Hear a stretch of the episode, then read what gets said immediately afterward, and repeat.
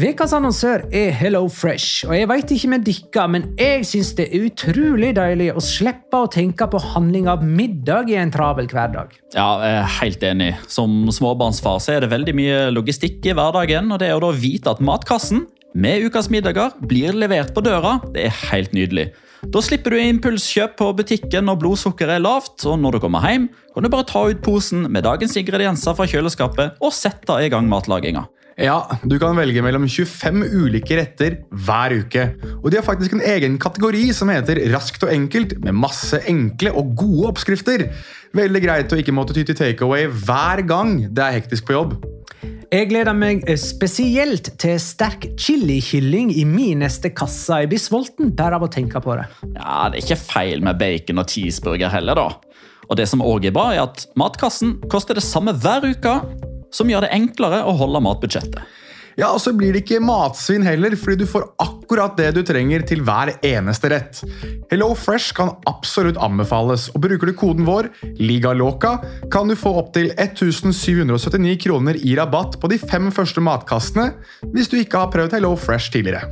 Du kan også prøve koden hvis du har avslutta abonnementet ditt for tolv måneder siden eller mer. Gå inn på hellofresh.no og bruk koden LIGALOCA. Bon appétit! Hallo? Jeg kommer fra Oslo politikammer. Ine Jansen er purk. Er du purk? The motherfucking bitch. Alt jeg vil, er å finne ut hva som skjedde med mannen min. Jon Carew. Er jeg sikta for noe? Iben Akeli. Det er du. Ole So, Lars Berrum og Big Daddy Karsten. Hvem sin side er du på, egentlig? Anette Hoff, Tone Danielsen, Kommer du fra Afrika? Jørnis Josef, Nesten. Kløfta. Trond Espen Seim. Det er synd å si det, men det var feil mann som døde. Purk. Premiere tirsdag på TV2 Play.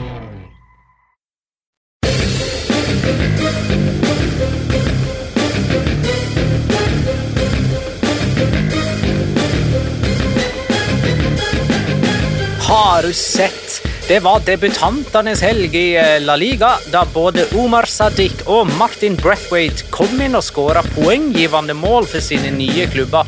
Og vår egen Jørgen Strand Larsen herja for Celta Vigo med målgivende helflikk, heading i stolpen og et helt moteriktig gullkort.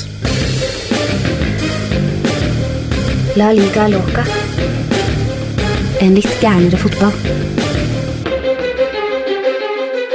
Ja, ja, ja, dette er La Liga Loca episode 216 av det ordinære slaget med Jonas Giæver, hei, Shalom in the home. og Magnar Kvalvik, hei. Hallo, Magnar. Hei. Petter er på Vestlandet. Da får han vel få fri denne mandagen, da. Ja, det er kanskje den enige grunnen som er grei. Det er at når man skal på Vestlandet, så kan man få lov til å få fritak. Eh, alle Alle Det er gyldig fravær. ja, det er gyldig fravær. Alle andre grunner ikke gyldig. Hva du har gjort på eh, i dag, da, for eh, El Chiringuito eller lignende? Uh, ja, ja, ja. Nei, jeg uh, fikk uh, plutselig en telefon fra Spania om at Twitch-sendingen til El Chiringuito ville ha meg med. Så da Hvor mange Twitch, spanske Twitch-sendinger har du vært med på nå siden Tja, i 2022? Har du telling på det? Oi eh, Fem Ah, ja, okay. Fire eller fem. Eh, to eller tre ulike kanaler. Tror jeg. I hvert fall noe, ja, jeg husker ikke. Det er i hvert fall blitt en del nå. Du slapp å snikskryte av noe som jeg spurte deg direkte, og du måtte svare på Takk. Nei, men dette, dette, er, dette er det der samspillet vi ser etter. ikke sant? Når du skjønner at man egentlig vil dit, for at man er litt sånn kry over det. Og det syns jeg er litt moro, skal jeg være helt ærlig. Og så, um, de hadde ikke sett eh, Haaland-dokumentaren, så jeg satt og Nei, det har ikke jeg heller, altså. Nei, det har jeg. Eh, det gjorde jeg på det? På søndag. Valget, liksom. Ja, ja. De syns jo det var superfascinerende. da. For de som ikke har sett det, så går de jo gjennom prioriteringslista deres i februar. Ja, var det noe Var politikk eh, et kriterium på prioriteringslista deres? Nei, det, det var ikke det. Nei. Det var ikke det. Da så. I hvert fall ikke som de nevnte. Nei, men da kan vel vi gå i gang med en ganske så sportsvaskingfri runde fire i La Liga. For det er at Almeria har nemlig ikke spilt. Det tar kort eh, og sammenfatta runde fire kamp for kamp. Celta Vigo Cádiz 3-0. Det var kampen som sparka i gang denne runden fredag kveld. To mål av Iago Aspas, som er kongen av Vigo. Jørgen Strand Larsen kan bli en prins på sikt. Han var frisk med både målgivende og gullkort i den omgangen han fikk. Eh, Mallorca Girona endte 1-1. Raillo sendte Mallorca i ledelsen i det 87. minutt. Samuel Seis utligna på straffe for Girona i det 91. Eh, og så hadde vi en finfin fin, eh, lørdags eh, ettermiddags-kveld som ble sparka i gang med Real Madrid Real Betis 2-1. Og det var de to brasilianske konsepti, Venicius og Rodrigo, som skåra for Real Madrid, som står med full pott, mens Real Betis mista sine første poeng her.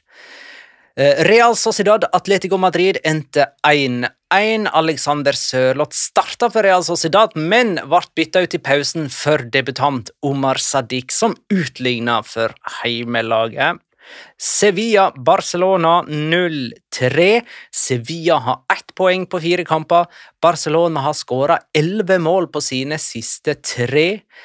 Osasona-Rayo Vallecano 2-1. Nå er vi på søndagen. Eh, Osasona har vunnet alle sine tre heimekamper, og nok en gang skåra den lokale unggutten Eimar Oroz.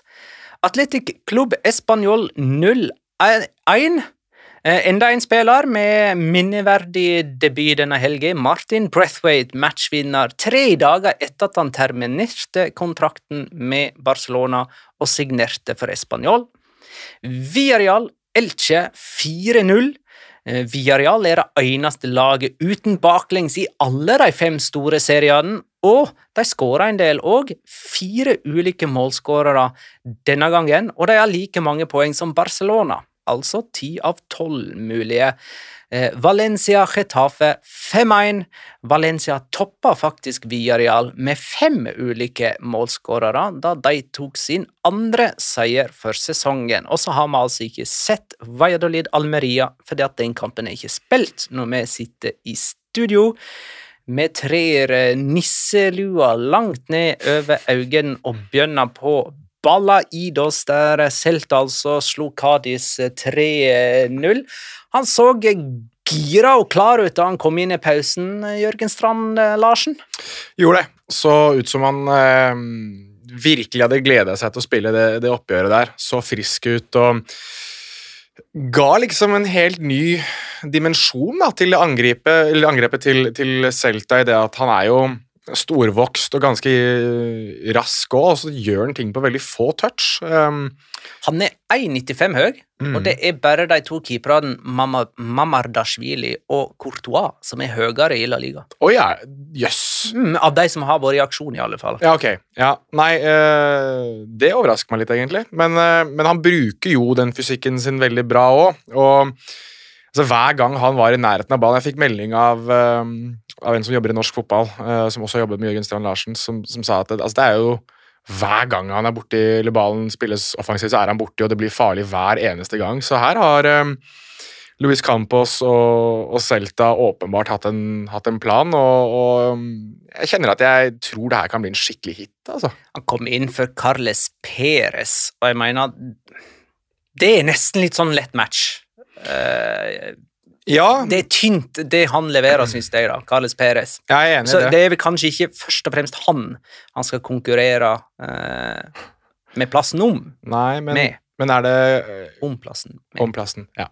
Uh, men, men er, hvis, hvis utfordreren er Gonzalo Paciencia, så vet jeg ikke helt om det kommer til å være så veldig mye mer konkurranse. Jeg tror at han kan moonwalke ganske greit inn på den spissplassen ved siden av um, ved siden av Jago Aspas. Jeg syns, uh, jeg syns han var helt outstanding i den kampen her, når han kom inn. Og det, du ser jo det at det er en ganske sånn det er en kamp du tenker at her skal Jago Aspas vinne kampen til slutt uansett, men han gjør jo ikke det før i andre omgang. Og det er mye fordi Strand Larsen tar så mye av, uh, av fokuset. Altså, det er jo spill mot ett mål her, i det at Kadis er jo ikke på banen.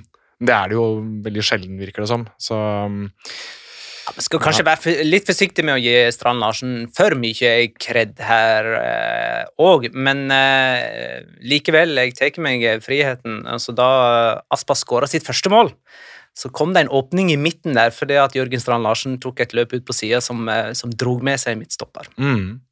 Ja, og han har jo assist også. Og så har han målgivende, og det er faktisk eh, til Oscar Rodriguez, som ikke har skåra på to år. Det, så det er en eh, gullkanta målgivende. Eh, og så hadde han jo den headingen på innsida av stolpen. Mm, det hadde han også. Så den eh, innleggsdimensjonen kan jo være nyttig for eh, eh, Celta Vigo framover. Mm, Men Ja, eller Nei, jo, nei, jeg ville bare få lagt det i potten. At jeg tror at en spiller som kommer til å få noe uhorvelig med målgivende denne sesongen her pga. Strand Larsen, er uh, Havi Galan. Han slår så gode innlegg. Han. Altså, han er jo en litt sånn undervurdert back, eh, syns jeg, eh, som burde være på lister til større klubber.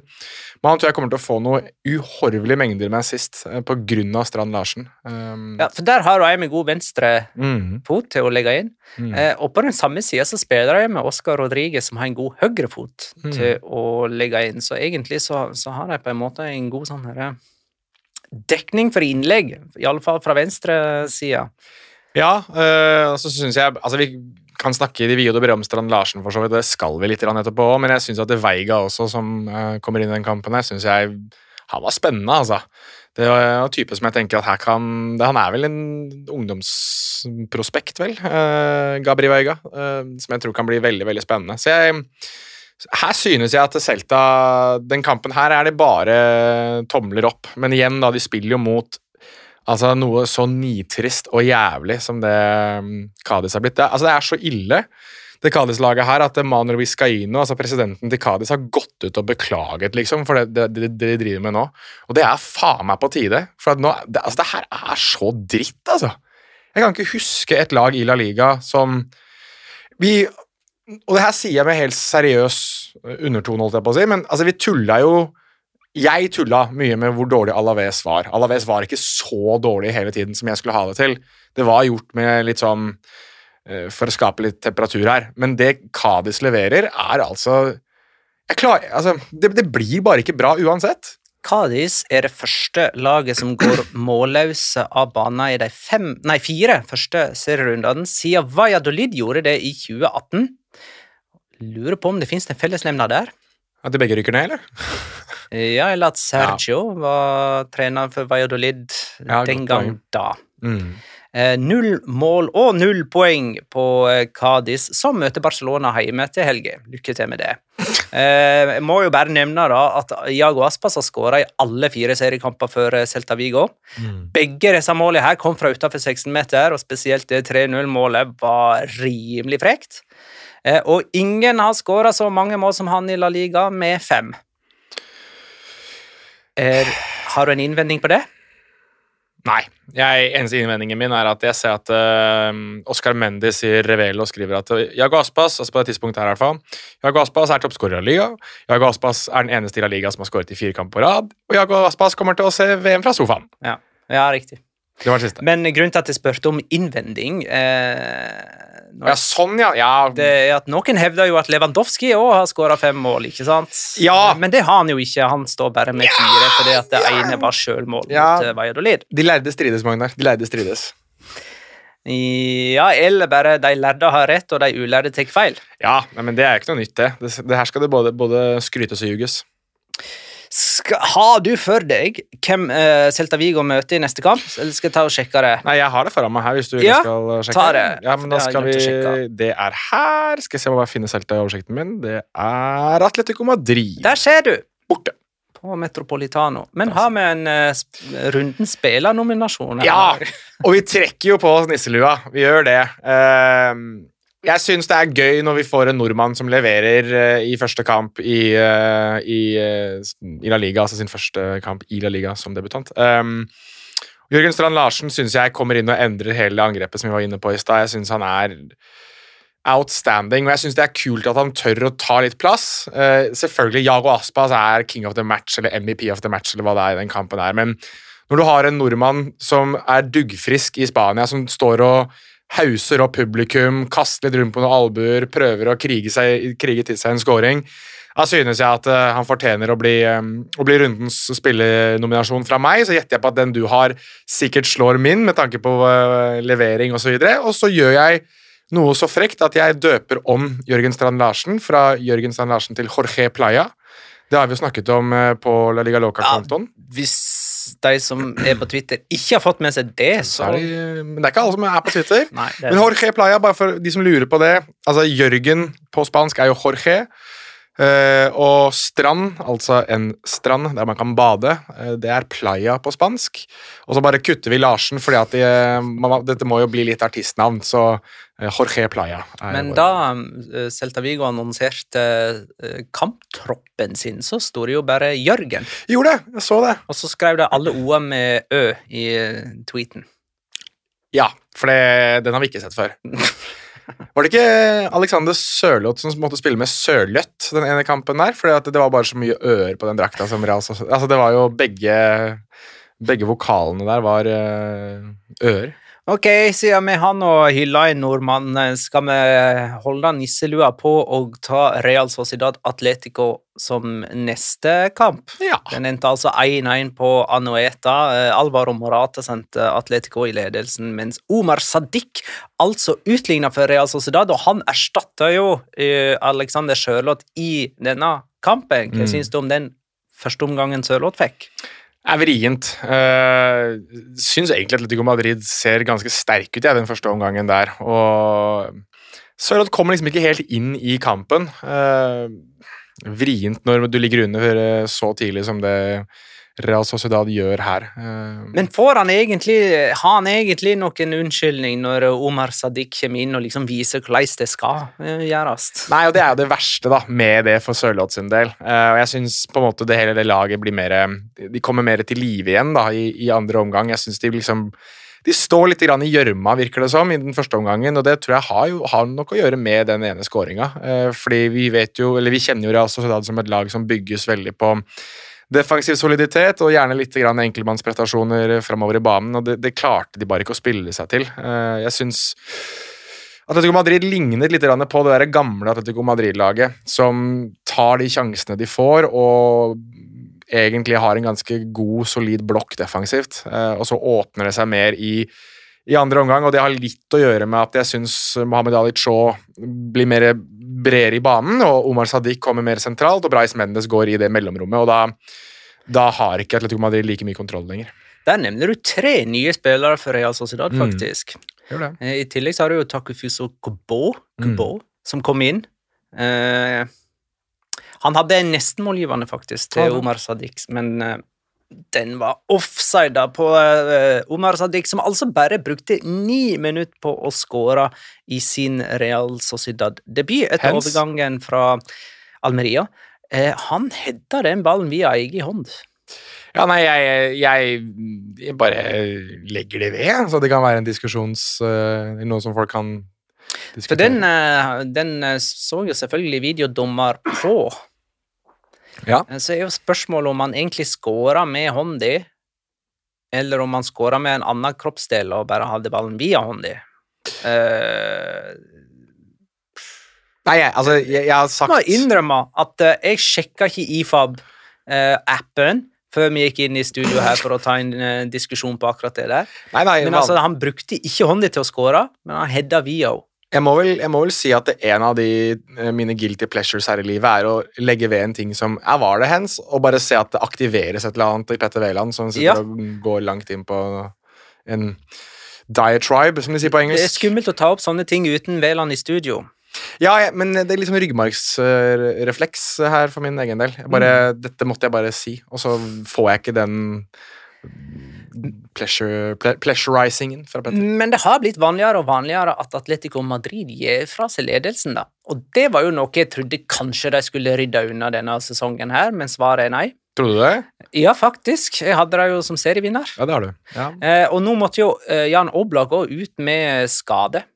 Hva gitt du om det er bekymringsverdig sånn for fortsettelsen? Nei, jeg har ikke fått uh, Skal være såpass ærlig at uh, da jeg satt og så um, Osame Sarawi danse på, um, på Intility, så var ikke det akkurat noe jeg tenkte så Nei. mye over. Men uh, jeg syns det er litt sånn Men gøy at det, Girbic dette får var nå mulighet. tross alt dagen før Det var det. Uh, men jeg eh, driver med en del research i, uh, i dagen i forkant. Men det skal vi se her. Girbic på ja, Han skal iallfall spille Det ser ut som Girbic skal spille Champions League, da, så de hviler han i hvert fall. Møter Porto. møter Porto. Det er litt sånn kamp med litt sånn historisk sus. To, to lag som har vært litt i Europa League, mye Ja. spillere mellom de to klubbene. Men var det forrige sesong de møttes og drev og herja og sloss og drev re- rein propaganda for ikke-fotball? Høres jo ut som disse to klubbene Eller var det to sesonger siden? Ja, de, Et eller annet var det i hvert fall. I denne, I denne sesongen her, og i denne kampen her, så skåra faktisk Atletico Madrid i tilleggstiden, men den ble ikke tellende fordi dommer var litt trigger-happy og dømte frispark til Atletico Madrid sekundet før. Stemmer det. Eh, og kan det hende at dommer eh, kunne på en måte redda seg sjøl inn sånn i ettertid ved å si at lurer på om det var Angel Correa var i offside. Sånn at det hadde ikke blitt scoring uansett. Han var helt på grensa der, men vi fikk aldri gode nok eh, repetisjoner til å uh, uh, ta en vurdering på det, uh, faktisk. Sju poeng på fire seriekamper. Det er den nest dårligste sesongstarten til Atletico under Diego Simione. De hadde bare fem poeng etter fire seriekamper i 18-19-sesongen. Roar med skarre R spør hvor teit er det egentlig denne greia med Grismann inn etter 60 minutter hver kamp? Er det rett og slett så enkelt som at agenten har sovna under kontraktsforhandlinger mellom Barcelona og Atletico?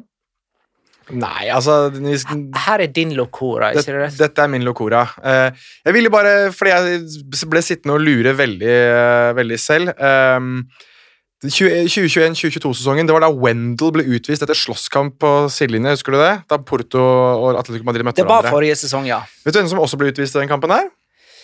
Hvem var det, da? Det var en Atletico-spiller, var ikke det? Er ikke, jo, det var jo for så vidt det, men uh, jeg var sånn tre utvisninger eller noe. uh, da Atletico vant 3-0, med noen skåringer på overtid og sånt. Ja, nå er jeg på bortekampen, vel. ja. uh, 3-1 ble det for øvrig. To utvisninger på Porto, én på Atletico Madrid. Uh, Wendel ble utvist for, uh, for Porto. Carrasco ble utvist for Mm. eh, Atletico Madrid. Men det er én til som ble utvist her, som vi kjenner fra La Liga nå, i hvert fall. Keep, keeper. keeper. -hmm. Rui Silva, eller? Marchesin. Marchesin som står i mål for uh, Celta Vigo nå. Han uh, ble utvist. Men uh, nei, det, det vi skal inn på, er en av de rareste Altså, ok. vi har gjort et poeng ut i den podkasten her og prøver å forklare ting som er litt sånn bisart. Dette her har jeg aldri sett før, tror jeg. I, I hvert fall ikke i nyere tid. Gjerne så har det vært i forbindelse med, med scoringer og sånn. Eh, men eh, vi legger jo veldig merke til alle sammen nå at når klokka tikker 60, eh, når Atletico Madrid spiller, så finner kamera veldig ofte Antoine Griezmann som er på vei inn på banen. Og det, Vi kan jo bare gå litt igjennom det. da. Altså I, de, i løpet av de første fire seriekampene så har og Nå tar jeg hvor mange minutter han har spilt, for jeg synes det er mye morsommere. for det forklarer jo litt. I første seriekamp mot Getafe så spilte han 28 minutter. Han spilte også 28 minutter mot Villarreal i andre serierunde. I tredje serierunde mot Valencia spilte han 26 minutter. Og I denne kampen her mot Real Sociedad så spilte han da 27 minutter. For du regner da fra minuttet han kommer inn, til eh, det 90. Altså her, her gjelder ikke tilleggstid. eh, I hvert fall slik jeg hadde lært meg å tolke dette her. Og det som man har kommet fram til, er at uh, Atletico Madrid og Barcelona i den dealen deres som de har, for dette her er jo to års lån, uh, der eh, Hvordan skal jeg forklare det? Der Antoine Griezmann ikke kan spille eh, over 50% av den eh, potensielle spilletiden i eh, ligafotball. Altså typ Hvis du har 38 seriekamper, da, så kan han ikke Hvis han spiller over 50% av 90-minuttene, så må eh, Atletico Madrid kjøpe han for 40 millioner euro. Så Eh, det vil si i snitt 45 minutter per kamp der, da. ja, egentlig. Og det gikk jo veldig langt Per kamp han er tilgjengelig. Per kamp er tilgjengelig, det er riktig. De gikk jo veldig mye over dette i fjor, fordi Antoine Griezmann spilte jo ganske mange 90 minutter i fjor. Den er jo litt verdt å ta med, og det er det som gjør at vi nå står i denne situasjonen nå at han spiller ikke noe særlig 90 minutter, han kommer som regel innpå, og det gjør jo, det gjør jo at de prøver å Hva skal jeg si? De prøver å spare han opp, da. Uh, det er, eh, det, det er veldig, det, det er veldig bisart, fordi at Griezmann blir systematisk byttet inn på samme tidspunkt hver eneste gang. Eh, og nå hadde de vel noe sånn at han var oppe i Han hadde spilt 75 eller Nei, sorry, han hadde spilt 81% av de tilgjengelige minuttene forrige sesong. Og nå er han nede på rundt 75 eh, totalt da, over forrige sesong og denne sesongen.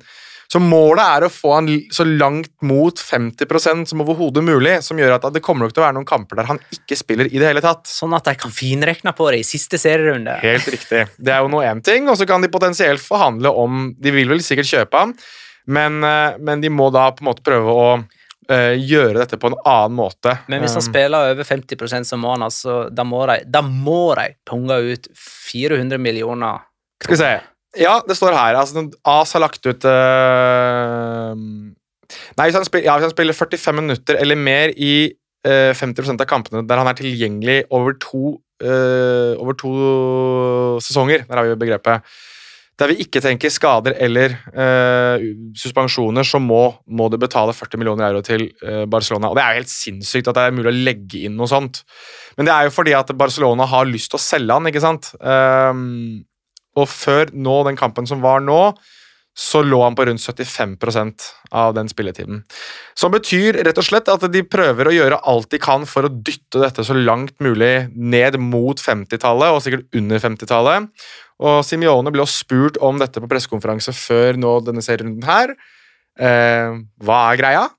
Og da sa han at eh, dere kjenner meg, og dere har kjent meg i over ti år. Jeg er en klubbmann, og det kommer jeg alltid til å være. Jeg syns det er et ganske kryptisk svar, egentlig. Men eh, det betyr vel at han eh, ikke vil bruke 40 millioner på euro på Grismann? Nei, det de, det de nok gjør, tror jeg, eh, er at de, de begrenser spilletiden til Antoine Griezmann mest mulig, for fordi at Og de, har nok regnet på hvor mange ganger de må gjøre dette før de kommer under 50 Ehm, Og det er nok for å presse Barcelona eh, til å sette seg ned rundt forhandlingsbordet og forhandle om en pris som er mye lavere enn de 40 millioner euroer som, som ligger tilgjengelig nå. fordi at i verste fall så kan han jo ende opp med å spille under 50% og da får ikke Barcelona potensielt penger og Antoine Griezmann av den eh, kall det lønnsposten sin. da. Jeg er litt usikker på hvor lang kontrakt han har igjen med Barcelona. Jeg vet Han er på lån nå, hans lån går ut åpenbart. Uh, hans lån går ut etter denne sesongen, men jeg lurer på om han kanskje ikke har et år eller to igjen av kontrakten sin med, med Barcelona. Eh, så det, det, det er, dette er en av de mer bisarre tingene jeg har sett. Det må jeg bare få sagt. Eh, Både Real Sociedad og Atletico Madrid står med sju poeng etter fire kamper. Hans kontrakt går ut sommeren 2024, så er det nevnt. Mm. Da kan vi vel ta for oss eh, Sevilla-Barcelona 0-3. Det var altså skåringa av Rafinha, Lewandowski og Erik Garcia som skåra sitt første mål i en tellende kamp på seniornivå. Eh, Ser fryktelig bra ut, Barcelona-laget, eller? Ja, de, de gjør jo det. Ehm, og så er jeg, her er jeg litt usikker på Er det Barcelona som er skrekkelig gode, eller er det Sevilla som er skrekkelig dårlige? Um, men jeg, jeg lar meg fascinere over at Barcelona bare har fått alt å klikke offensivt, da. Um, så igjen jeg, jeg, altså de, er, de er fryktelig gode, det er de. Det skal ikke ta noe vekk fra dem. Jeg synes det er litt sånn, jeg kjenner at jeg er litt sånn tvetydig med meg selv her nå, hva jeg skal tenke om det. Men jeg synes at det, i den kampen her så er det Det virker som Julius Condé bare har lyst til å ødelegge for tidligere klubb. da. Han, han har jo to målgivende her og er outstanding. Um, Skulle jeg komme med en spillernominasjon fra denne kampen, Mm. det har ikke jeg, eh, så måtte det bli enten Gavi eller eh, Jules Condé. jeg synes det er Jules Condé. Mm. Som høyre back igjen, da. Eh, Ja. David Sørhaug spør jo treng, trengte Barca Beyerin når Condé spiller som han gjør, på høyre back. Og I tillegg så har de jo Sergi Roberto som eh, backup. Det er jo enormt med backuper på begge bekker. Ja, og Sergi Roberto eh, har jo sett ut som eh, en million Ikke pesetas, men kanskje heller ja, skal vi si pund, da? Ja, ok. En har million sett- pund, ja, ja. Det er vel rimelig for han, da, Ja. kanskje. Jo, for så vidt. Jeg syns han har sett veldig veldig bra ut. Var vel egentlig det jeg skulle prøve å si her, men han ble hø høres ut som verdens dårligste spiller. Eh, men ja, nei, jeg synes, jeg, De er gode, Barcelona. Jeg bare kjenner at jeg vet ikke helt hvor jeg skal sette de riktig ennå. Men det som er gøy, er jo hvor sensasjonelt god Lewandowski bare har, er. Altså Viktor Halnes spør er La Liga for lett for Lewandowski. Jeg tror fotball er sånn generelt det er for lett for Lewandowski. Ja, men altså Han har jo to gode kantspillere Ja. med Dembélé og Rafinha. Jeg syns hele den trioen der er kjempestas. Ja, og så kan du bare tenke at de kan jo bytte inn på en helt ny trio plutselig òg. og Lewandowski var jo kjempegod med Ansu Fati for et par serierunder siden nå, så det er liksom Nei, det, det, så, det angrepet til Barcelona er komplett, og da eh, skjønner du f.eks. hvorfor de har lyst til å fjerne typer som Antoine Griezmann. Da. Så er det verdt å ta med at bare for å legge ved det, jeg så det nå, det står at uh, Atletico Madrid må betale en, må betale en uh, bot på 40 millioner euro hvis han overstiger dette, som betyr at de kanskje ikke engang får han. Uh, men uansett, jeg vil jo tro at Barcelona til og med ville vært tilbøyelig til å selge Antoine Griezmann nå, med tanke på hvor gode den, eh, den offensive trioen, eller sekseren om du vil, for de kan jo bare bytte på hele greia, har blitt. Eh, så jeg syns at eh, offensivt veldig, veldig bra, og så igjen, da. Erik Garcia har ikke blitt, uh, utfordra så fryktelig mye. Det er Ronald Araujo som, som spiller forsvar nesten alene sammen med, sammen med Julius Condé, tidvis. Så ja. Nå kommer Barcelona til å, eller Xavi da, til å rotere litt når de møter Pilsen på onsdag i Champions League, men tror du eh, at den midtbanetrioen er satt? At det er Busquets, Pedri og Gavi som er liksom den gjengen på midten? Det er jo det har de til felles nå, eh, Barcelona og Real Madrid. De bruker liksom to russ og en pensjonist på midtbanen.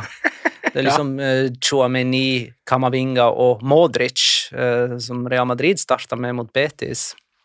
Ja, nei, jeg synes det var bra. To russ og en gamling, var det det var? Pensjonist. En pensjonist. To russ og en pensjonist, ja. Nei, jeg eh, tipper at det er satt, men, men, men det som er mest fascinerende med Kanskje ikke Real Madrid-mannen, men mer Barcelona-mannen, ja, i dette tilfellet Busquets, er jo at hver gang han utfordres, så virker han som han bare blir enda bedre. Eh, Vi så at han ble utfordra av Frenkie de Jong, da ble han plutselig supergod igjen. Og nå har liksom Frank Kessier kommet inn nå, som han har snakket om at kan ta den rollen. Kessier er jo sånn du nesten har glemt at det har gått til Barcelona, litt fordi at eh, den midtbanetrioen, spesielt anført av Busquets, har vært bunnsolid, da. Um, så ja, nei, det er jo kanskje den veien å gå for Barcelona sin del, men samtidig så uh, vil man jo nok Altså, jeg tror Barcelona kjenner at de i hvert fall har større grunnlag for å rotere nå, og det, jeg går tilbake til dette veldig ofte, men jeg tror at den der nye fembyttersregelen kommer til å spille veldig til Barcelonas fordel gjennom sesongen, fordi de har så enormt med kvalitet, og så enormt med spillere. altså sånn som Jeg har ikke nevnt han engang, men Memphis Depay er der. Mm. Altså, det er en spiller som kommer til å starte for Nederland i VM. Altså, han bare Han er der! Gerard Piquet også bare er der. Uh, så det er uh, Nei, jeg, jeg, lar meg, jeg lar meg imponere over den bredden Barcelona har, og så kjenner jeg at jeg skulle gjerne likt å se de bli testa mot et bedre lag enn Sevilla, fordi Sevilla nå er Åh, er nitrist.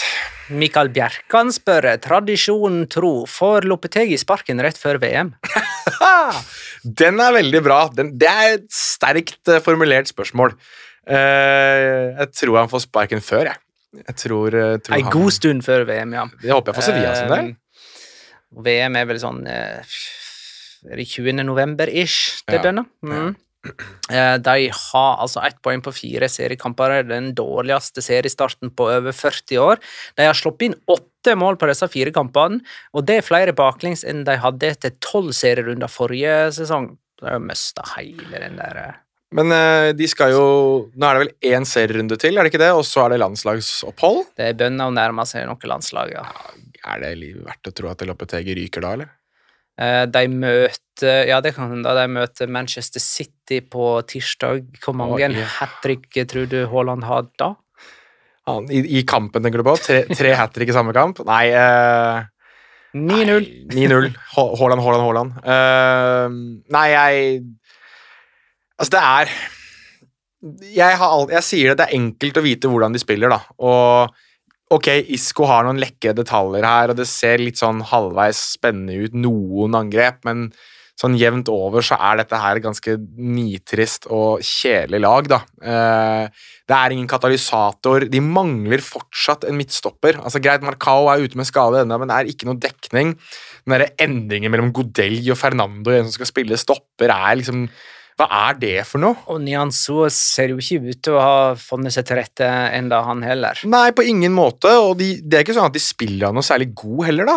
Og da, da mener jeg at uh, Da blir dette resultatet, og det virker som om de bare ikke har planlagt for det vinduet her. Eventuelt så har de øh, planlagt med en annen trener. Jeg vet ikke. Jeg så i hvert fall at det var, det var jo rykte om at de ville ha Raúl de Tomàs. øh, og så gikk ikke det, øh, litt fordi at Diego Martinez, som er tidligere eh, Sevilla-elev, hadde sagt ikke kjøp han, fordi han er umulig å ha med å gjøre. Og Så da, han kom med, rett og slett Espanol-treneren kom med et vennlig tips til. Sevilla om ikke å kjøpe Espanol-spilleren Raúl de Tomàs, som Espanol har lyst til å kvitte seg med. og her har du den lille nuggeten som man spekulerer i. Kan det være fordi Sevilla på sikt ønsker Diego Martinez? Det kan ikke gå denne sesongen her, åpenbart, fordi at du kan ikke trene mer enn to, eh, eller mer enn én spansk klubb i løpet av en sesong.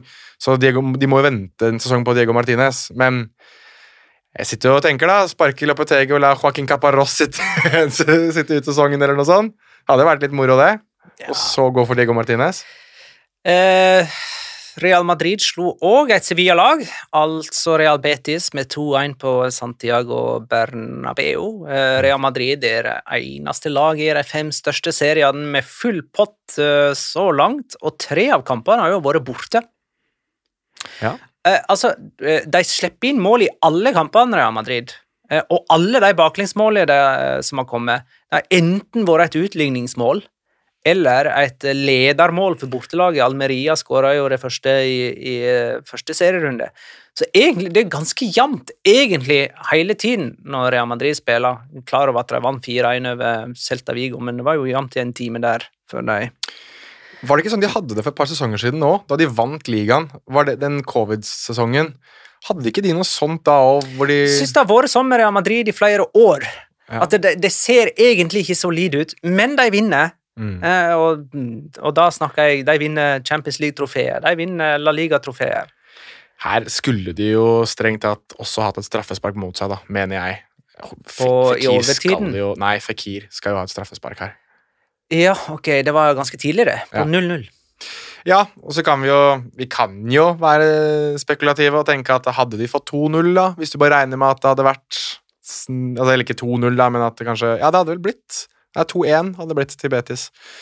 Um, men ja, nei, jeg er enig med deg. De er jo, de er jo bunnsolide. Altså, de Det virker ikke som om når de slipper inn, så virker det ikke som om de blir noe sånn Det er ikke noe reaks på dem, nesten. Det er bare sånn, ja ja, da kjører vi bare på videre, da. Ja, det er stort sett en positiv reaksjon eh, på når de slipper inn. Ja, nei, altså, de, de lar jo ikke The heads drop, som de sier på engelsk. Men et interessant spørsmål fra Frode Fotballfrosk. Hvis vi skal spekulere litt, se litt framover videre utover i sesongen. Har La Liga tatt spranget 10-12 år tilbake i tid til den gang El Clásico i praksis avgjorde kampen om seriegullet? Eh, Kommer Real Madrid og Barcelona til å avgi noe særlig med poeng til noen andre enn hverandre? Det er et veldig godt spørsmål, da. Det er et stort et. Han kommer ofte med store spørsmål, eh, Frode Fotballfrosk. Men akkurat nå, sånn i serieinnledningen, eh, så virker Real Madrid og Barcelona å være vesentlig sterkere enn de andre. Men da kan det hende at jeg har lett meg At det kommer med en tidlig avskriving av Atletico, Mm. fordi at de har vært så svake. Og eh, at de undervurderer Viareal. Ja, det siste der er vel mer Syns jeg begynner å bli mer og mer aktuell. Ehm, men da er jo det, det spørsmålet man kan stille litt tilbake igjen, er Er det så dumt, da? Er det så dumt at man får liksom Real Madrid-Barcelona som Ja, Da vinner de VM og EM og VM igjen, da. Det var jo, Man snakker jo liksom sånn derre Å, husker du den gang Spania dominerte verden, og den beste fotballen i verden ble spilt i Spania, og Det er liksom litt den derre Vi har jo denne diskusjonen i Norge også med liksom lokomotiver og så videre. Og hvem er det Eller, eller ett lokomotiv, flere lokomotiv. Um, og er det Skal man ha to lag som bare er best, eller ett lag som bare er best, eller skal man ha en veldig veldig tett og jevn liga? Og jeg syns, syns egentlig det er helt greit ja, at Real Madrid og Barcelona kniver om, om det nå, spesielt når situasjonen er som den er økonomisk, og man ikke har de samme midlene for eksempel, som man har i England. Ja. Jeg skjønner Jeg, jeg, jeg vil nok, Jo flere som er med i tittelkampen, jo bedre, syns jeg. Og om det gagner det spanske landslaget så voldsomt, så er ikke det Nei, det driter jeg i, men jeg, tenker, men jeg mener jo at her må man vel se på hva som er best for toppnivået i fotballen og toppnivået i spansk fotball. Og jeg vil jo tro at de i hvert fall tenker selv at når de har to lag som presterer på så høyt nivå som Real Madrid og Barcelona gjør nå, så er jo det noe som etter hvert vil trekke med seg resten. Det var jo det, det, var jo det vi så før, at når Atletico Madrid og Sevilla på et lite tidspunkt der begynte å, å i hvert fall Altså, Atletico Madrid vant jo seriegull. Sevilla var jo oppe og kjempa til serierunde 36-37 for et par sesonger siden. Men man så jo at nivået generelt på de to lagene da, Barcelona og Madrid, ikke var like, var like høyt, og at det var ganske mange og Da nevner jeg vel kanskje England og sikkert Bayern München i, i Tyskland, som gikk ganske greit forbi dem. Så jeg er enig med deg for konkurransens del, og for det å liksom ha det gøy i serie, et seriespill, så er det Skulle jeg gjerne likt å se 20 potensielle seriemestere, men for nivået Toppnivået på spansk fotball, eller toppnivået på en liga, så tror jeg man er tjent, Spesielt når økonomien er som den er, som sagt, så tror jeg man er tjent på det å ha det sånn som det er nå. Men la oss håpe at de får en gigantisk TV-avtale som gjør at de eksempel da, kan se Villarreal, Real Sociedad, Valencia der oppe på et eller annet tidspunkt på jevn basis. At den gigantiske avtalen fordeler pengene på uh, alle Ja, lag. ja. Mm. Ja, riktig. Don't hold your breath, så, så de sier på det språket du liker så godt. Ja, Uh, Bendik Wollmann har noen betraktninger rundt midtbanetrioene midtbanetrioen til Real Madrid, som jeg syns er litt interessante. Uh, han er imp imponert over neste generasjons Real Madrid midtbane, men uh, de, de har liksom ikke den der fordelingen av ekstremferdigheter. Uh, sånn som Kroos, som er liksom pasningsspiller og midtbanedirigent, Casimiro som ballvinner og Modric som tekniker og kreativt geni. Der er heller Kamavinga, Chuameni og Valverde mer sånn allround-spillere som er ganske gode på alt, uten disse her spesielle ekstremferdighetene. Mm. Eh, og, og jeg mener Det kan vel òg være en vei å gå, for de ser vel ikke etter en blåkopi av forrige midtbane-trio-suksess. Man, kan- man må vel tenke nytt og gå nye veier òg når man erstatter de gamle heltene. Ja, altså det er jo øh, Hvordan skal jeg forklare det? Altså, det er jo litt sånn som fotballen nå virker å utvikle seg på ny. da, At man finner spillere som ikke er spesialister i sine ulike posisjoner. Altså, Vi har jo blitt vant med veldig mange ulike eh, begrep da, som knyttes til visse posisjoner. altså Enganche og, regista og metzella og alle disse ulike tingene som folk bare har diktet opp. Raumdoi, da, husker jeg var en stor greie med Thomas Müller, eksempel. Mens eh, her har du liksom spillere som egentlig bare er veldig anvendelige. da. De kan brukes i veldig mange ulike posisjoner og formasjoner, og der tror jeg Real Madrid ligger litt foran en del andre klubber, og jeg synes spesielt alle vet jo at jeg elsker Chouameni mer enn sikkert veldig mange elsker eh, familiemedlemmer. Han er jo helt altså Det er en av de mest fantastiske spillerne jeg har sett uh, i Real Madrid på lang tid. Han kan gjøre alt, og det, det, det tror jeg um, Det tror jeg er liksom som du er inne på, det er nok prototypen på den type midtbanespiller Real Madrid ser etter nå, når de prøver å videreutvikle seg. da. Um, og Der tror jeg også for eksempel det blir veldig spennende å se Barcelona mot Real Madrid når de møtes. Der, for du har veldig tydelige spillertyper i Gavi, Pedri og Busquets, mens Modric, eh, Kamavinga og, og Chouameni eh, de kan bytte litt på ulike roller, og hvis du da fjerner Modric om noen år og, og dytter inn eh, dytter inn Valverde, og kanskje fjerner Busquets og dytter inn Frenkie de Jong, for eksempel, så, så får man bare videreført dette enda mer. Eh, skal vi se Kan jeg, ta, kan jeg ta en statistikk før du går videre? Ja. Eh, Petter snakket om det siste episode, men eh, Venicius Junior sin scoring for Real Madrid hjemme mot Betis er første gangen Real Madrid scorer hjemme mot Betis i seriespill siden eh, 12. mars 2017. Altså, det har blitt spilt seks kamper mellom Betis og Real Madrid på hjemmebanen til Real Madrid. Det sier jeg jo fordi de har også spilt på altså Santiago Bernabeu og Alfredo Di Stefano. Eh, der ikke Real Madrid scora. De vant 2-1 eh, mot Betis sist gang også, for så vidt. Eh, vil du gjette hvem som var målskåreren i 2017? Jeg vet det var Sergio Ramos den ene. Eh, jeg husker ikke hvem den andre var. Å, kom inn, da. Tony Cross. 2017? Ja, Tony Cross. Jo, jo. Men hvem var det som skåra alle målene? Ronaldo, Ja, ikke sant? Super-Chris og vennene hans skåra. Ja da uh, Jeg kommer fram til at Betis hadde fem bortekamper mot Real Madrid uten baklengs og tap.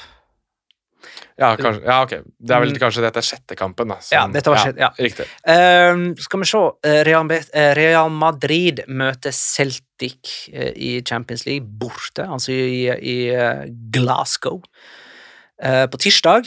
Og så er det vel store sjanser til at de fire strake serieseirene blir fem eh, når de møter Mallorca hjemme til helge. Real Betis på sin side, eh, de møter Villarreal Real i neste serierunde. Villarreal, som altså slo Elche nå 4-0 og står uten baklengsmål, har bare avgitt eh, to poeng.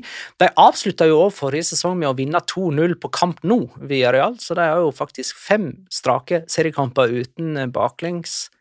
Er det tilfeldig, eller er de blitt gode? Nei, de har vært gode lenge, syns jeg, men, eh, men altså de Det er litt det jeg pleier å si om de, at det, sånn signeringer og visse ting de gjør det er, det er ikke verdens største endringer, men de små endringene de gjør, virker hele tiden å være veldig bra, sånn som Kikko Feminia som kommer inn her nå, da. Det er en kjempetilvekst i det som allerede er et godt kollektiv. Albiol og Pau Torres, at de får en sesong til sammen, tror jeg også kan være noe som gjør at de Jeg sier ikke at de vinner seriegull, men at de kan i hvert fall vinne et trofé eller være med og kanskje spille seg til, um, til Champions League-plass neste sesong. Jeg syns det er et veldig undervurdert stoppepar, og det er jo et stoppepar som kanskje potensielt kan spille sammen for Spania. Uh, og så er det jo litt sånn, Petter har jo nevnt han som den spanske Gareth Bale. Alfonso Pedraza på venstre kan jo virke jo i hvert fall, og, og, og nå har jo han også fått en utfordrer i Mojica, så nå er det jo liksom to dynamoer på den venstre sida. Så jeg er, veldig, jeg er veldig fan av rekrutteringene til, eh, til Villarreal. Og så Jeg tror Nicholas Jackson kommer til å bli helt fantastisk. Han hadde målgivende igjen, han. Ja, han er helt sinnssyk. Han er så bra, han. Han er altså så bra. Altså, det, det Ja, Jeremy Pino skal få mye skryt, men jeg syns bare at Jackson og hans evne til å liksom strekke spillet og alltid finne rom, da eh, Det er Ja, nei, det, jeg syns det er undervurdert. Jeg syns han er utrolig god. Eh, det var Gerard Moreno, eh, Giovanni Lo Celso, Coquelin Hva han heter Francois? Coquelin? Det er vel? Francois Coquelin. Og José Luis Morales. Eller er det Francis Coquelin, kanskje? Francis er det. Francis Coquelin. Og José Luis Morales, som Ja. skåra målet for Villarreal i denne kampen. Eh, det var Morales sitt første ligamål for Villarreal, eh, som altså nå spiller sine heimekamper på hans gamle heimebane Ciutate Valencia. Og Morales er jo den spilleren som har skåra flest primæramål på Ciutate Valencia. Og det får han jo mulighet til å øke på nå som Villarreal spiller der, mens Levante er i Segunda. Så det er jo liksom ingen Levante-spillere som kan ta opp den kampen med han. Nei. Det syns jeg er litt moro. Eh, Levante spiller mot Oviedo eh, i kveld, for øvrig. Ja. Mandag kveld. Det er jo også verdt å ta med at uh, dette her var jo et skikkelig drittmål fra José Luis Morales. Det var jo ikke noe sånn super golazo som han pleier å score. Oi, han skåra bare Golazos. Ja, men jeg tipper at det er bare, bare Golasos for Levante, og nå skal det bare være drittmål for Villarreal. Så er vi enige om det. Elche har ett poeng på fire serie seriekamper og er med andre ord like svake som eh, Sevilla. Jeg har bare sett høydepunkter av den her, eh, men du kan jo gjette at eh, alles Elche-venn Eirik Koren bombarderte meg med meldinger da jeg satt på Intility Arena og skulle dekke LSK mot, eller Vålerenga mot LSK, om hvor grusomt dette her var. Og bare for å ta et eh, Jeg må finne det begrepet hans. Eh, han sa at dette her var ostepop-porøst. Det syns jeg er eh, Det er et veldig sterkt begrep. For de som har spist ostepops, så skjønner man den. Men det, det sier jo litt om Elche. om at de igjen da, rekruttering og det som er av generell kvalitet i den troppen der, ikke er bra nok. Um, og Johan Mohika som, som Ja, han er back. Ja, han skårer ikke kjempemange mål, men han er en som på en måte har vært med å skape en farlighet ved det å være ekstremt dynamisk. At han er borte, det ser ut til også å fjerne noe av brodden i angrepet. Og så synes jeg, skal jeg være helt ærlig, at uten Altså Lucas Boyer i form, da, så er det veldig lite å snakke om offensivt for, for, deres del, og det er litt sånn rart. De var jo ekstremt stolte da de klarte å beholde Peremia, men han har liksom ramla litt vekk, og så er det Bigas og Rocco da, som spiller en kamp til. Så det Nei, det Her må de gjøre noe, de må gjøre noe kjapt. Ikke så veldig mye de får gjort uh, nå, kanskje. Eh, Valencia slo altså Getafe 5-1 på Mestalla med fem forskjellige målskårere. Det høres ut som de prøvde å komponere en barnelåt med den målskårerlista der. Uh, Lato, Lino, Nico, Duro, Samu.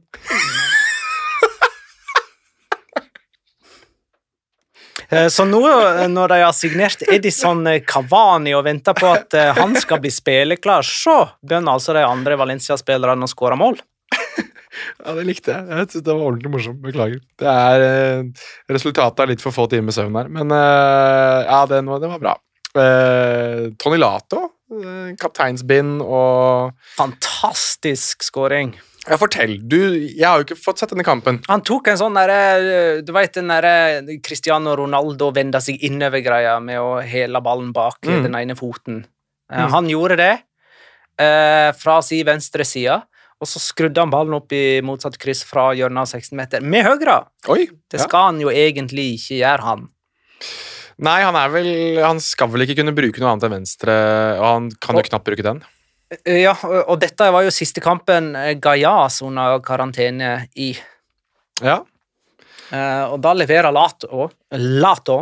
Uh, så får vi se da hva Gattusso velger å gjøre med det. Eh, men høydepunktet eh, var vel likevel mål nummer to, når eh, Jonas Mussa eh, kombinerte med Lino, som eh, bryst, dempa ballen på brystkassa og volleya inn 2-0. Det var kombinasjonsspill på høyt eh, nivå. Mm. Eh, og Valencia leder altså 3-0 etter et kvarter. Eh, og de har en del spennende unge spillere. Mm. Jeg nevnte Mossa, jeg har nevnt eh, Lino og jeg har nevnt eh, Nico. Alle skåra jo eh, av de nevnte, men to, de to sistnevnte der er jo på lån. Ja. Men Mossa kan de tjene penger på etter hvert. Jeg, kan ta det. Jeg låner dette sitatet fra Chris Robin Eriksen. Ingen Bordalas for verken heime- eller bortelag. Og Kikki Sanchez Flores på tribunen. Da danser musa på bordet. Veldig bra. Eh, og jeg har nominert han til rundens spiller.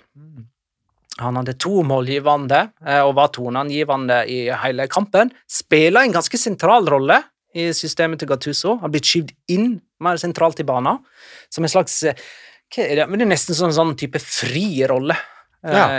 I treeren på midten. Kan gjøre nesten hva han vil. Og Greg Berhalter, USA-treneren, satt på tribunen og så kampen. Ja, nei, han eh, Hyggelig fyr, for øvrig.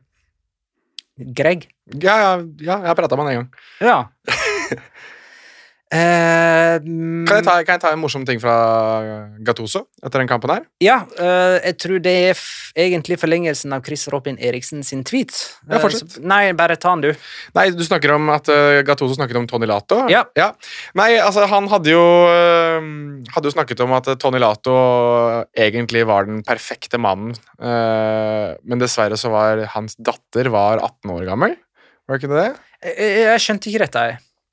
Nei, det var vel egentlig det at han var pliktoppfyllende, at han var liksom en ordentlig fin fyr, at dette her var en bra mann. Uh, og dessverre for oh, ja, så, så, så Gattusso kunne ha dytta dattera si på Lato eh, hvis hun hadde vært litt eldre? Er det det? Ja, det er vel heller det. At uh, han er Altså, han er en Ok, jeg skal oversette det her. Jeg har det her foran meg. Han er en fantastisk fin fyr. Uh, datteren min er veldig ung. Hun er jo kun 18, men en type som Tony ville vært en perfekt mann for henne. Ja, fantastisk. Så, men, det, men han snakket vel også om at eh, det som er problemet til Tony Lato, er det at han gir Altså, han dunker til i, på trening òg, da. At det er liksom han Han kan gå litt for hardt inn i treningen også. At det han, Det var i hvert fall det han snakket om. At det var liksom Men jeg syns det morsomste var at han mente at eh, hadde datteren vært litt eldre, eventuelt hadde Tony Lato vært litt yngre, så kunne vi ha fått uh, et lite par der. Skal vi se neste kamp. Athletic Atletic Klubb mot Español endte altså 0-1. Dette var Español sin første seier. Eh, og med Joselu og Martin Brethwaite som alternativ til Nia-rolla, så blir vel Raúl de Tomàs sittende i skyggen gjennom hele høsten og kan bare glemme VM. Ja, altså Overgangsvinduets største taper i fotball-Europa må jo være Raúl Thomas R.D.T. Uh, Og han var jo uh, i høyeste grad et spissalternativ for, Espan for Spania. Español og Spania, ja. Uh, ja, altså bevares. Han eh, tror de aller fleste hadde regnet han i en spansk landslagstropp, i hvert fall. Hvis du skulle, i hvert fall han spilte jo flere troppene, eller var i flere av troppene nå sist det var landslagsperiode, og, og, og rettmessig sådan. Um, men han har vel altså klart å Jeg vet ikke om vi skal si at han har sutret seg ut av det, eller hva altså, Han har liksom tapt på alle parametere, da. Uh, jeg tror han eh, var upopulær internt i Español da de var i segunda divisjon, eh, s- men at Vicente Moreno klarte liksom å, holde det hele i sjakk, så han skjøt jo opp til Primera. Mm.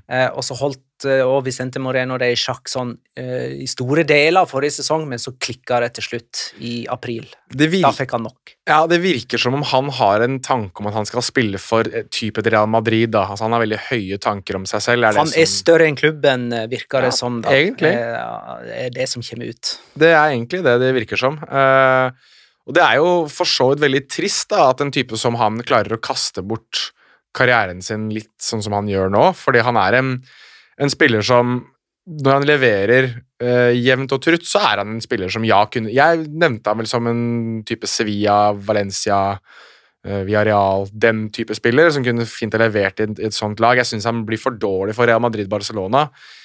Eh, og Atletico Madrid egentlig også, selv om de kanskje kunne fått bruk for ham. Men hvem er det som vil røre i en spiller som holder på sånn som han gjør nå? Altså Sitter og griner og er forbanna for at han ikke får gått til Rayo Vallecano på overgangsvinduets siste dag, f.eks. Altså etter å ha Og tydeligvis så har det gått ut, da. Altså, Ryktet har gått ut av Español. De har ikke klart å holde det internt. Så har Español en utkjøpsklausul der eh, som de trodde at noen kom til å trigge, på sånn 70 millioner euro eller noe. Men det er det ingen som vil.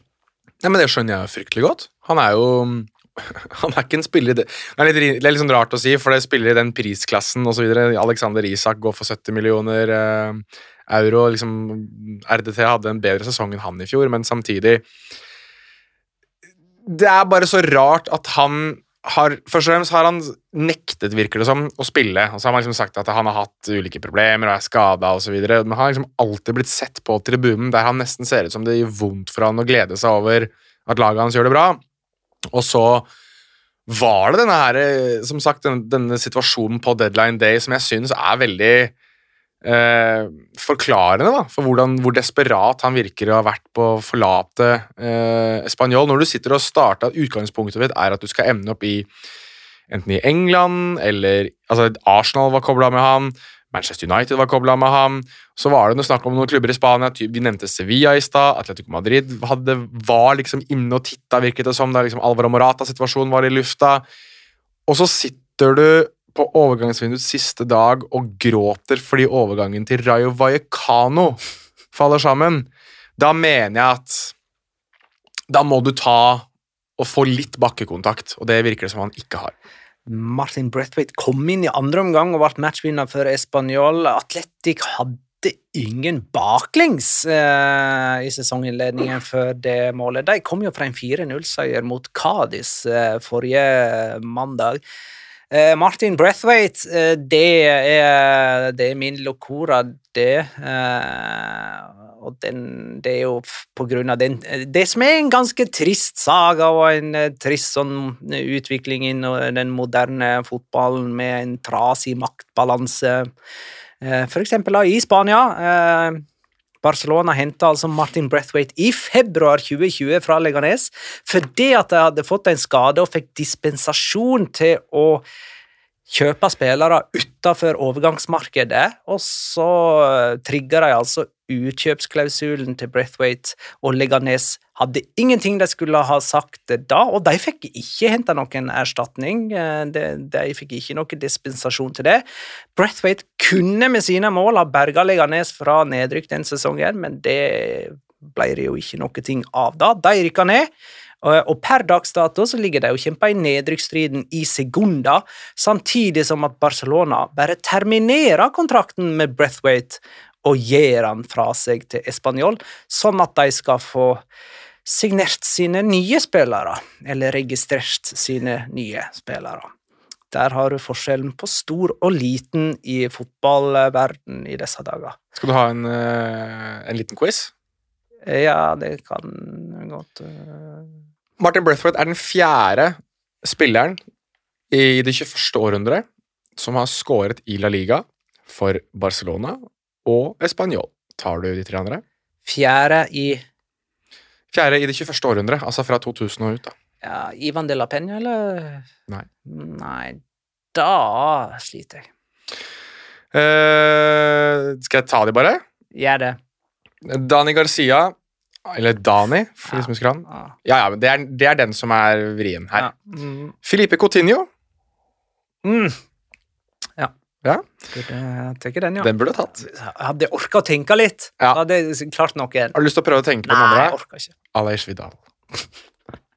Som er litt sånn Ja, ja, Ja, han skåra til og med i El Clásico. det gjorde han. Eh, ja, den siste kampen som vi ikke har snakka om nå, det er Mallorca-Girona. Ikke så veldig mye å si om den kampen, kanskje. Det endte altså 1-1. Alle målene Mallorca har sluppet inn så langt, har kommet på straffe på heimebane. Det er en litt moro statistikk. Eh, Girona mangler her Stuani, som jo har skåra 45% av klubbens mål i Primera-historien. Eh, en stor skuffelse med denne kampen her.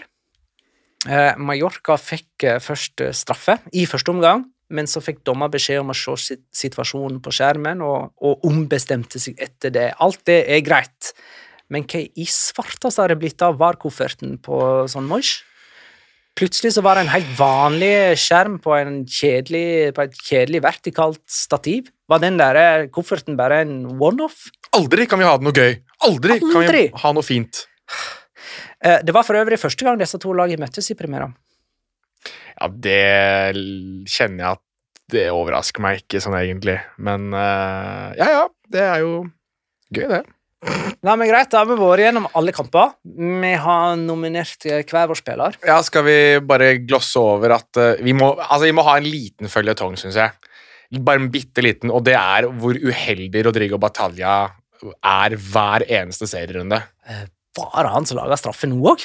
Nei, det var vel ikke det, tror jeg. Men uh, kan det ha vært. Nei, jeg husker ikke. Det jeg, jeg reagerer på her, er at Oriol Romeo er jo tilbake for Girona. Ja. Og han reintroduserte seg til La Liga ved å egentlig bare kveste ned Rodrigo Batalha. Ah. Uh, som var nære ved å måtte bytte ut. Han ble jo byttet ut omsider. Uh, kanskje ikke for skade, men uansett. Det så bare altså så grusomt vondt ut. Så nå har han da hatt så å si da Eller det er jo et hat trick da, av uh, ting som har skjedd med han nå de siste tre serierundene, der det bare rett og slett du får vondt av hele fyren. Så se opp for uh, neste serierunde. Da er det mulig Det er nye sjanser, og det er muligheter for å se Rodrigo Batalha bli driti ut på Santiago Bernabeu mot Real Madrid. Det er lav odds på det. ja. Lav odds på det, altså. Uh, nei, men kårer vi Jonas Mossa til rundens uh, spiller, eller? Ja, vi må nok det. Uh, den tid Jorge Playa kommer med litt fordi han er norsk, så, så ærlig skal vi være. Bare spilt én omgang og alt. Ja, det, men, men skulle jeg ha hatt en som nok hadde slått Jonas Mosa, så hadde det nok vært Jago Aspas. Det syns han Ja. sensasjonelt god. En uh, god kandidat der. Altså, synes jeg altså, vi har, Jeg vet ikke om vi har vært innom Osasona Rayo noe sånt kjempelenge, men, men vi må Gløy- jeg, Vi har glemt oss Asuna Rayo! Jeg tror jeg har gjort det, altså. Fordi, fordi der, Magnar Og det er litt gøy at Petter ikke er her. Fordi det, Nå ble det jo tap for Rayo. Florian legend skåra mål! Hæ? Du, han skåra på direkte frispark eh, for Rayo Vallecano. Jeg visste ikke at han var frisparkskytteren deres. Nei, gjorde ikke jeg heller. Eh, Men kanskje de bare setter han som frisparkskytter fordi at det er Sergio Herrera som står i mål, og det er bare å skyte på mål. Eh, Treffer du mål, så går den inn, liksom? Ja, Mm. for det der var midt i mål. Ja, herregud, jeg er helt enig med deg. Og, og Sassona de spiller altså med han i mellomstengeren, selv om de har Eitor Fernandes i rekken. Det er litt, eh, det er litt sånn sadomasochistisk av dem, syns jeg. Halvveis, i hvert fall. Utrolig frustrerende. Veldig provoserende keepervalg. Eh, Og Aymar Oros. Du må ta med Han heter Aymar. Han spiller med Aymar på ryggen. Det er like gøy hver gang. ja, han uh, skåra igjen. Han har to mål, da. Han Ja. vært matchvinner mot Sevilla i seriepremieren, og så uh, skåra han et avgjørende mål her òg. Han har liksom bare ramlet inn denne sesongen. her, han. Vi har ikke hørt sånn skrekkelig mye om han. Eh, Jeg har ikke hørt noe særlig om han. Og nå har han vel fått eh, plass på A-laget òg. Nå har han jo den her kjedsommelige greia som vi blir fortalt en del om at eh, når du er over draktnummer sånn og sånn og sånn, så er han over draktnummer 25, så er du en del av troppen. Draktnummer som er lavere enn 25 nå, ja. Ja. Uh, og endelig virker jo El Sadar å være et fort igjen. Eh, de har vunnet tre, alle sine tre heimekamper og Sassona, eh, og forrige sesong så vant de jo bare fem Mm. heimekamper hele sesongen. Um, og så har de jo lånt inn Es Abde fra Barcelona. Og han hadde målgivende her. M- Meget bra forarbeid til uh, matchvinnermålet til Robin Garcia. Mm. Så det, det, er mye, det er mye grunn nå å se Osasona, vil jeg vel hevde. Fordi de slipper jo inn, åpenbart, med at de har en drittkeeper, og de har morsomme spillere i Es Abde og Aymar Aros. Se alltid Osasona. Skal vi, skal vi driste oss ut på det? Skal vi driste oss ut? Ja, Det det, er for hipsterne. Vi snakka litt om tippekampen nå, eh, Ja. og det har faktisk vært to av dem siden sist. Eh, for det at eh, i vår forrige episode så måtte vi tippe på Valencia og Atletico Madrid, som ennå ikke hadde blitt spilt da. Nei. Eh, og så måtte vi òg tippe på en kamp som skulle være nå denne helga, og det ble jo Sevilla-Barcelona. Ja. Eh, Så de to kampene, det var altså for å ta Valencia Atletico først. Den endte 0-1 med Grismann som første målskårer. Eh, Jeg hadde 1-2 med Saul. Du hadde 0-3 med Morata, og Petter hadde 0-2 med Felix. Så ett poeng på alle oss for at vi hadde Atletico-seier, men ingen hadde riktig resultat eller målskårer. Eh, Forrige kamp, da, eller siste kamp, Sevilla-Barcelona 0-3 med Rafinha som første målskårer. Jeg hadde 2-1 til Sevilla med Isco som første målskårer. Ja, for dette var kampen du mente at nå, er, nå har Lopetegi eh, Ja, nå er klarer han å vinne ei uke til, liksom. Ja. Uh, null poeng der, altså, til meg. Uh, du hadde 0-5 med Dembélé som første målskårer. Det gir ett poeng. Var ikke så langt unna. Petter hadde 1-2 og sjølmål eh, som førstemålsskårer. Altså at Lewandowski skulle skyte via en spiller i mål. Eh, Ett poeng for eh, Petter for det. Eh, da har jeg totalt fire. Du og Petter har tre. Ja. Og neste kamp er Real Betis via Real. Jeg sier 2-1 til Betis og Iglesias som første målskårer. Petter han fikk lov til å si eh, ting på Messenger. 1-0 til Betis, sier han. Iglesias som første målskårer på han òg. Uh, 0-2 Jeg prøver. Jeg prøver. 0-2 og første målskårer Gerard Moreno. Gerard. Cool. Ja, Nei, men uh, det er greit. skal vi prøve å oppsummere Champions League-veka på Patron, Patrion løpet av veka, eh, eller TKH? Nei, jeg vet at det, jeg vet at det er vært ønsket, eh, så det må vi jo prøve å gjøre. Ja, det var dumt ikke vi kunne love noe. Nei, men, nei, men vi gjør det. Vi gjør det. Men skal vi ta Champions League og Europa League, eller skal vi bare ta Champions League?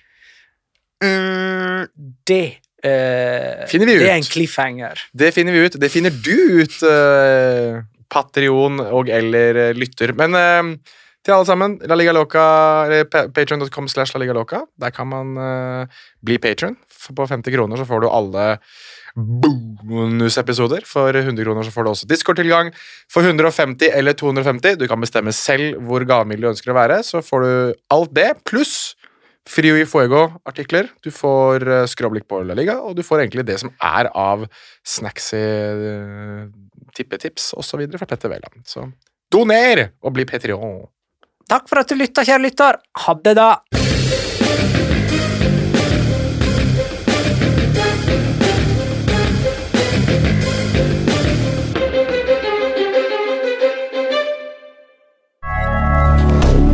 Moderne media. Har du et enkeltpersonforetak eller en liten bedrift? Da er du sikkert lei av å høre meg snakke om hvor enkelt det er med kvitteringer og bilag i fiken, så vi eh, gir oss her, vi. Fordi vi liker enkelt. Fiken superenkelt regnskap.